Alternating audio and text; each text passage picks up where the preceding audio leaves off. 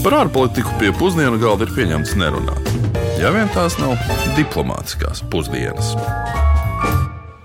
Esiet sveicināti diplomātiskajās pusdienās. Turpinot mūsu ceļojumu pa pasaules valstīm, ar jums kārtībā sveicinās Uģis Lībijams, Latvijas radio un dr. Kārls Bukovskis no Latvijas ārpolitikas institūta. Radio formātā 15 minūtēs arī šodien centīsimies pastāstīt par kādu no valstīm, bet raidierakstu formā nereti šie ieraksti mēdz būt arī garāki, tāpēc meklējiet tos un droši klausieties jums pieejamā laikā. Sveicieni arī no manis, un šodien mēs dosimies uz vienu no pasaules jaunākajām valstīm, kas pilnīgu un totālu neatkarību ieguva vien 2006. gadā. Uz valsti, kurā dzīvo vieni no garākajiem vīriešiem pasaulē un kas daudzus pārsteidz ar savu vēsturisko un dabas dažādību. Iespējams, ka jau nopratāt, Šodien mēs dosimies uz Melnkalnu. Un šeit varētu teikt, ka Melnkalna ir pierādījums tam, ka bērnības draudi, ja pīpēs, tad garš neaugs, nepiepildās. Nu, proti, Melnkalnas vīrieši ir otri garākie aiz Nīderlandiešiem, nu, latvieši, starp citu, ir 4. vietā. Taču valstī ir arī viens no augstākajiem smēķētāju rādītājiem Eiropā. Un tiek lēsts, ka Melnkalnē smēķē vairāk nekā 30% iedzīvotāju. Nu, šajā rādītājā gan arī latvieši īpaši neatpaliek. Jā, nu es domāju, gan, ka visās citās plošas slimības gan ar smēķēšanu tāpat tās diezgan garantēti, ka dabūt. Melnkalna mūsdienās ir ļoti pieprasīta gan turistu vidū, gan arī filmu industrijā. Nu, skaisto dabas skatu tur netrūkst. Tostarp eh, Melnkalnē atrodams arī Eiropā lielākais kanjons. Nu, Tāras upes kanjons ir tik stāvs, ka caur to faktiski var izbraukt tikai ar kanoja laiviņu. Nu, ar kājām tam caur pat iziet var sanākt tikai ar milzu grūtībām.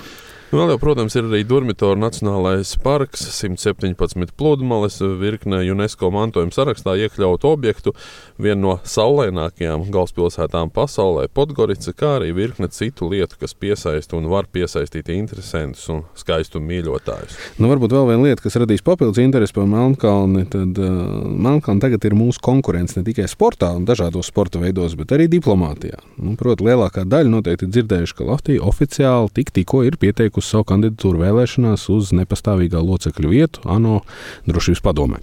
Un vēlēšanas notiks 2025. gadā, un mēs cīnīsimies par vietu nu, uz diviem gadiem, 2026. un 2027. gadā. Un šobrīd mūsu vienīgais zināmais konkurents ir Melnkalna.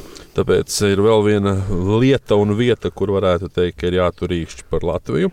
Bet tagad pavisam naski paklausīsimies, ko par šo 600 tūkstošu iedzīvotāju lielo Melnkalni mums stāstīs Latvijas iedzīvotāji. Un to centās noskaidrot Rihards Plūme. Ar ko jums asociējas Melnkalne? Ar uh, Serbiju Melnkalnu iepriekš. Melnkalna asociējās to, ka tur ir ļoti teiksim, Eiropas līmenī karsti konflikti notikuši pēdējos laikos, arī 90. gados. Tā, tāpēc, jā, teiksim, ar tādu nemierīgu darbību. Man godīgi tas ir mans draugs, jo viņi bija Melnkalnē. Nu jā, jūra vienīgais. Augsts dzīves līmenis, Eiropas dienvidi, kalni. Maza valsts. Dienvidslāvijas, nezinu, laikam. Ar uh, skaistu ainavu. Kaut kādā mērā strīdīga teritorija, jo varbūt kaut kas viņu neatzīst, ne, bet es neesmu baigi labs tajā jautājumā. Rietumu pasaulē Melnkalnu pazīst ar vārdu Montenegro, kas to arī tulkojumā nozīmē Melnais kalns. Un šis nosaukums pirmo reizi ir lietots jau apmēram 15. gadsimtā, kad reģionu pārvaldīja Venecijas republika. Viens no skaidrojumiem šim nosaukumam, protams, ir par godu Lofčena kalnam, kura paklājēji no tās 16. līdz 17. gadsimtam atradās vēsturiskā Melnkalnas galvaspilsēta Cetiņa. Vēl viens skaidrojums ir tāds, ka Lofčena kalnu klāja biezi platlapju meži, kas piedod kalnam tumsnai nokrāsu. Jā, es pats atceros, ka pirms nu, jau nedaudz vairāk kā 20 gadiem, kad sāku strādāt šeit Latvijas radio par ārzemju ziņu redaktoru, tad Montenegro piesaukšana bija viena no manām pirmajām nu, tādām klasiskajām kļūdām, jo atzīšos, ka tobrīd šādu valstu vispār nezināju. Nu, lai arī patiesībā, kā vēlāk noskaidroju, tad uh, pasaules lielvaras Melnkalnes valstiskumu atzina vēl 19. gadsimtā, toreiz Berlīnas kongresa laikā. Nu jā, tas iespējams Tāpēc, nu, to, ka tu nezināji, tāpēc, ka Melnkalna bija pēdējā no republikām, kas 2006. gadā pasludināja neatkarību no Serbijas. Pirms tam Melnkalna bija Dienvidslāvijas sastāvā, taču pēc tās sabrukuma kopīgi ar Serbiju izveidoja federāciju. Tobrīd šis politiskais veidojums vēlējās panākt, ka ir vienīgais bijušās sociālistiski federatīvās Dienvidslāvijas mantinieks, taču apvienoto nāciju organizācija ar savu rezolūciju atzina, ka šī sociālistiskā valsts ir beigusi pastāvēt. Nu, un Federatīvo Dienvidslāviju vadīja bēdīgi slavenais Slobodans Miloševičs, kura vadībā norisinājās gan asiņaini kari, gan tika pastrādāti šausminoši kara noziegumi. Un to dēļ valsts faktiski nonāca starptautiskā izolācijā un piedzīvoja nopietnas ekonomiskās grūtības. 1995. gadā noslēgtā vēsturiskā Daytonas vienošanās atzina Horvātijas, Slovenijas un Bosnijas un Hercegovinas neatkarību. Miloševiča diktatūra gan turpinājās līdz pat 2000. gada oktobrim, kad um, tā tika gāzta tā dēvētajā buldozera revolūcijā. Jā, un jau 2012. gadā Melnkalna uzsāka sarunas par pievienošanos Eiropas Savienībai. Pagājušā mēnesī, viesojoties Melnkalnē, Eiropas komisijas prezidente Ursula Fonderlaina norādīja, ka tieši Melnkalna ir sasniegusi vislielāko progresu ceļā uz Eiropas Savienību. Nu, maz gan ir ticams, ka Melnkalna viena pati pievienosies Eiropas Savienībai. Visticamākais, ka tas notiks kolektīvā pievienošanās, paplašināšanās kārtā kopā ar citām Balkānu vai pat arī Austrum Eiropas valstīm. Nu, Savulaik tas notika līdzīgi arī Baltijas valsts gadījumā. No otras puses, ir arī liela piesardzība par to, vai Eiropas Savienība ir gatava un spējīga vēlreiz paplašināties un uzņemt tik lielu skaitu jaunu dalību valstu. Nu jā, pagājušajā nedēļā arī Eiropas komisijas atzinumā Melnkalne šoreiz netika īpaši izcelta ar to panākto progresu ceļā uz Eiropas Savienību. Bet 2017. gadā Melnkalne kļuva arī par NATO dalību valsti. Nu, pirms tam gan prokrieviski noskaņotās politiskās partijas bija rosinājušas rīkot par šo jautājumu referendumu. Turklāt arī reakcija no Krievijas puses bija nu, teikt, ļoti sāsināta. Melnkalnes amatpersonas apgalvoja, ka no Polijas izraidīti Krievijas militārās izlūkošanas darbinieki bija plānojuši nogalināt tā brīža premjerministru Milo Djukanoviču un sarīkot valstī apvērsumu. Krievijas varas iestādes, līdzīgi kā daudzās citās valstīs, apgalvoja, ka Melnkalnē NATO plāno izvērst Ukrainas scenāriju, ka iedzīvotāji patiesībā ir izteikti pret dalību Ziemeļatlantijas aliansē.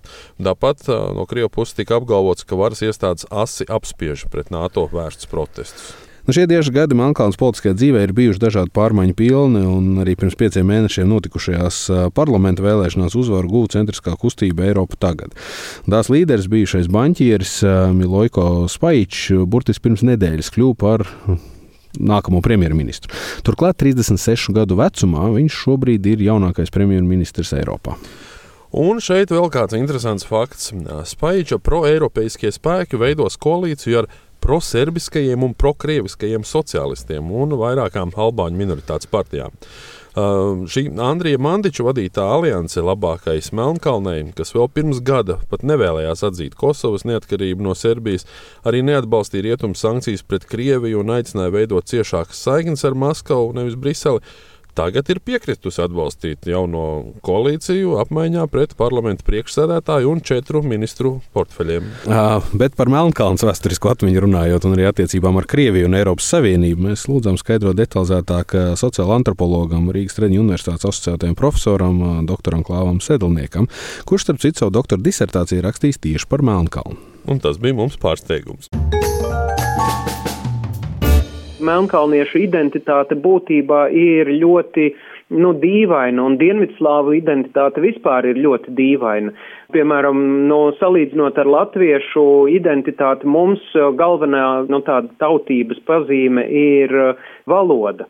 Savukārt Melnkalnē un vispār Dienvidslāvijā lielākoties valoda galīgi nav tas būtiskākais, jo liela daļa no viņiem runā nu, ļoti līdzīgas valodas. Nu, tādas varētu teikt, ka tā ir viena valoda, viens valodas uh, diezgan maz atšķirīgi dialekti. Melnkalnieši būtībā nu, ir ļoti līdzīgi daudzos parametros serbiem, bet viņi tāpat ir pareizticīgie. Šis ir ticības jautājums, ir vēl viens tāds identitātes ļoti, ļoti būtiska atšķirība. Un tad ir vēl nu, tāda vēstures traktējums, kā mēs traktējam vēsturi. Un tas savukārt nošķir tos cilvēkus, kuri sevi uzskata Melnkalnē par serbiem no tiem, kuri sevi uzskata Melnkalnē par melnkalniešiem, šī te vēstures traktējums. Un kaut kādā 19. gadsimtā, tad, kad Melnkalne vienīgā no šīm te no slāvu, dienvidu slāvu valstīm bija neatkarīga, tad melnkalnieši nesa serbu neatkarības karogu. Mūsdienās um, nu, tās attiecības starp serbiem un melnkalniešiem droši vien ir sasniegušas tādu viszemāko punktu dažādu iemeslu dēļ, bet uh, daudzi melnkalnieši, tādi melnkalniešu nacionālisti, uzskata serbus par tādu okupācijas varu, kas nav vienmēr bijis šāds uzskats. Šī vēsturiskā atmiņa un arī vēsturiskā interpretācija, kā tā ietekmē nu, melnkalniešu noskaņu un virzību pretī Eiropas Savienībai?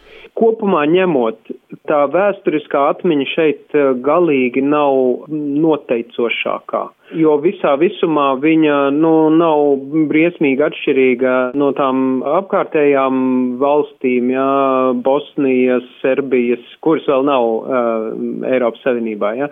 Arī tādas uh, vēsturiskās saiknes ar Rietumu Eiropu melnkalniešiem nekad nav bijušas ļoti tradicionāls. Plus vēl var teikt, ka vēl pat, um, nu, pirms gadiem 15, kad melnkalniešiem jautātu, kas ir viņu lielākā, eh, draudzīgākā nācija, absolūti visi droši vien, ka teikt, ka tie ir krievi, kas tagad arī ir mainījies.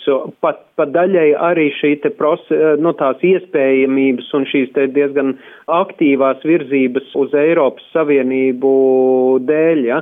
Tā virzība uz Eiropas Savienību arī ir jāskata tā, nu, neviennozīmīgi. Līdzīgi kā citur, nav jau tā, ka tur būtu tāds uh, sabiedrības simtprocentīgais atbalsts. Protams, ka ir ļoti daudz uh, iedzīvotāji, kuri kuriem ir entuziasms par šo, bet tieši tāpat ir cilvēki, kuriem nav entuziasms par to, tā izskaitā tāpēc, ka viņi jūtas draudzīgi ar Serbiem. Bet tā ir arī tāda daļa bijusi, mm, nu, līdzšinējā valsts prezidenta Milo Džukanoviču un ārkārtīgi ilgā valsts vadītāja. Nu, Milo Džukanovičs bija pie varas kopš 90. gadu beigām. Ja? Viņš bija visilgāk pie varas esošais Eiropas līderis, pat apsteidzot Baltkrievu baķu bet um, tā bija viņa ļoti mērķiecīga politika, ar kuru viņš daļēji arī nostiprināja savu varu, kas nu, savukārt diezgan lielā mērā apgrūtināja tās opozīcijas, nu, tā skaitā tādas liberālās opozīcijas uh, iespējas vēlēšanās,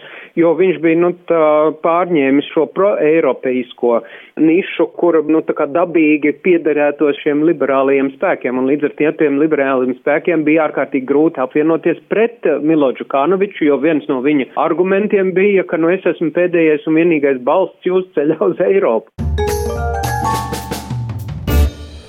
Un visbeidzot, pavisam nedaudz pieskarsimies arī Melnkalnes ekonomikai, nu, kā jau ierasts. Un tā tiek uzskatīta par vidēju ienākumu Balkānu ekonomiku, kura bez atļaujas lieto eiro. Un tā ir taisnība, jo Melnkalnē valūta ir eiro. Nauda, ko viņi lieto, ir eiro, bet viņi nav oficiāli ne Eirozonā, ne Eiropas Savienībā. Ne arī viņiem kāds ir oficiāli ļāvis to lietot. Nu, acīm redzot, Melnkalnes aprēķins ir, ka pašiem savu centrālā banka ir dārga, pašiem savu monetārā politika ir dārga un lietot svešu valūtu ir izdevīgāk. Nu, protams, Protams, tas nozīmē, ka viņi nekādīgi nevar ietekmēt savas valūtas vērtību, un jebkuras svārstības viņas ietekmē tieši tāpat kā eirozona. Nu, attiecīgi, mūsu inflācija automātiski ir arī viņu inflācija. Valsts cenšas sekmēt savu turisma tirgu, protams, cenšas piesaistīt ekonomikai arī naudu visiem iespējamiem līdzekļiem. Tostarp arī mēģinot kļūt par nerezidentu noguldījumus piesaistošu banku mītnes valsti. Un, kā zinām, esam bijuši tur kā Latvija, un tas ceļš nemaz nav tas rožainākais, ne arī bieži vien tas ētiskākais. Bet, nu, Melnkalnē, kurā korupcija ir viena no lielākajām politiskajām un arī ekonomiskajām problēmām, šāda pieeja banku sektoram un starptautiskajai naudai pat līdz galam nepārsteidz. Nu, jāsaka, gan, ka diemžēl. Jā, nu, kur tad Melnkalnes ekonomika atrodas salīdzinājumā ar Latviju? Melnkalnes IKP uz vienu iedzīvotāju pēc pirktspējas paritātes ir 25,000 eiro, kamēr Latvijas, kā zināms, ir 37,500 eiro. Lai cik būtu paēdis, vienmēr ir vieta arī desertam. Kā jau runājām raidījuma sākumā, Melnkalna ir viens no visstraujāk augošajiem turisma galamērķiem Eiropā. Galu galā tā atrodas Adrijas jūras krastā. Tajā ir garas pludmales, senas un jaunākas pilsētas ar ļoti skaistu dabu. Un, ja dosieties uz Melnkalnu ziemas laikā, noteikti atradīsiet arī sev piemērotas slēpošanas vietas. Nu, par visām izstāstīt noteikti mēs nespēsim, bet, ja tā var teikt, iemetīsim āķi uz dažām šādām vietām. Jā, es un slēpošana. Lai arī tradicionāli runājot par fjordiem, mums prātā nāk Norvēģija. Tomēr Kotoras līdz Melnkalnē ir vis tālāk uz dienvidiem esošais fjords Eiropā. Šis gandrīz 28 km garais līcis atrodas blakus esošo kalnu masīvu ielokā un blakus esošo vēsturisko pilsētiņu dēļ piesaista arī ārvalstu kruīzu kuģus. Un šajā fjordā atrodas arī pati Kotoras pilsēta. Tā ir slavena kurorta vieta, kas ir pazīstama ne tikai ar savu vēsturisko arhitektūru, bet arī ar kaķiem. Un jau tālākajā 1914. gadā, tātad vairāk nekā pirms simt uh, gadiem, turisma ceļvedes Lonely Planet iekļāva Kotoru desmit kaķu mīļotājiem pievilcīgāko pilsētu sarakstā. Nu, gan saimnieku kaķi, gan bezpajumtnieku kaķi Kotorā ir ārkārtīgi daudz, un vietējie iedzīvotāji dara visu iespējamo, lai par kaķiem rūpētos.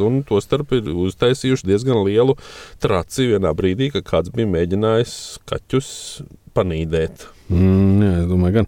Uh, viens no pilsētas laukumiem pat ir atzīts par oficiālu kaķu barošanas vietu. Tāpat pilsētā ir atvērts arī īpašs kaķu muzejs, kur atrodams liels apjoms informācijas un suvenīru par šiem mūsu četrkājainajiem draugiem vai nedraugiem.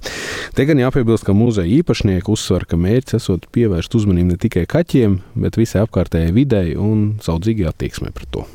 Un kā arī lasīju kādās no atsauksmēm, tad nevajag īpaši satraukties, ko šiem kaķiem dot ēst, jo viņi nesot īpaši izvēlīgi ēdot pat no savas maizes līdz jebkam, ko viņiem dod.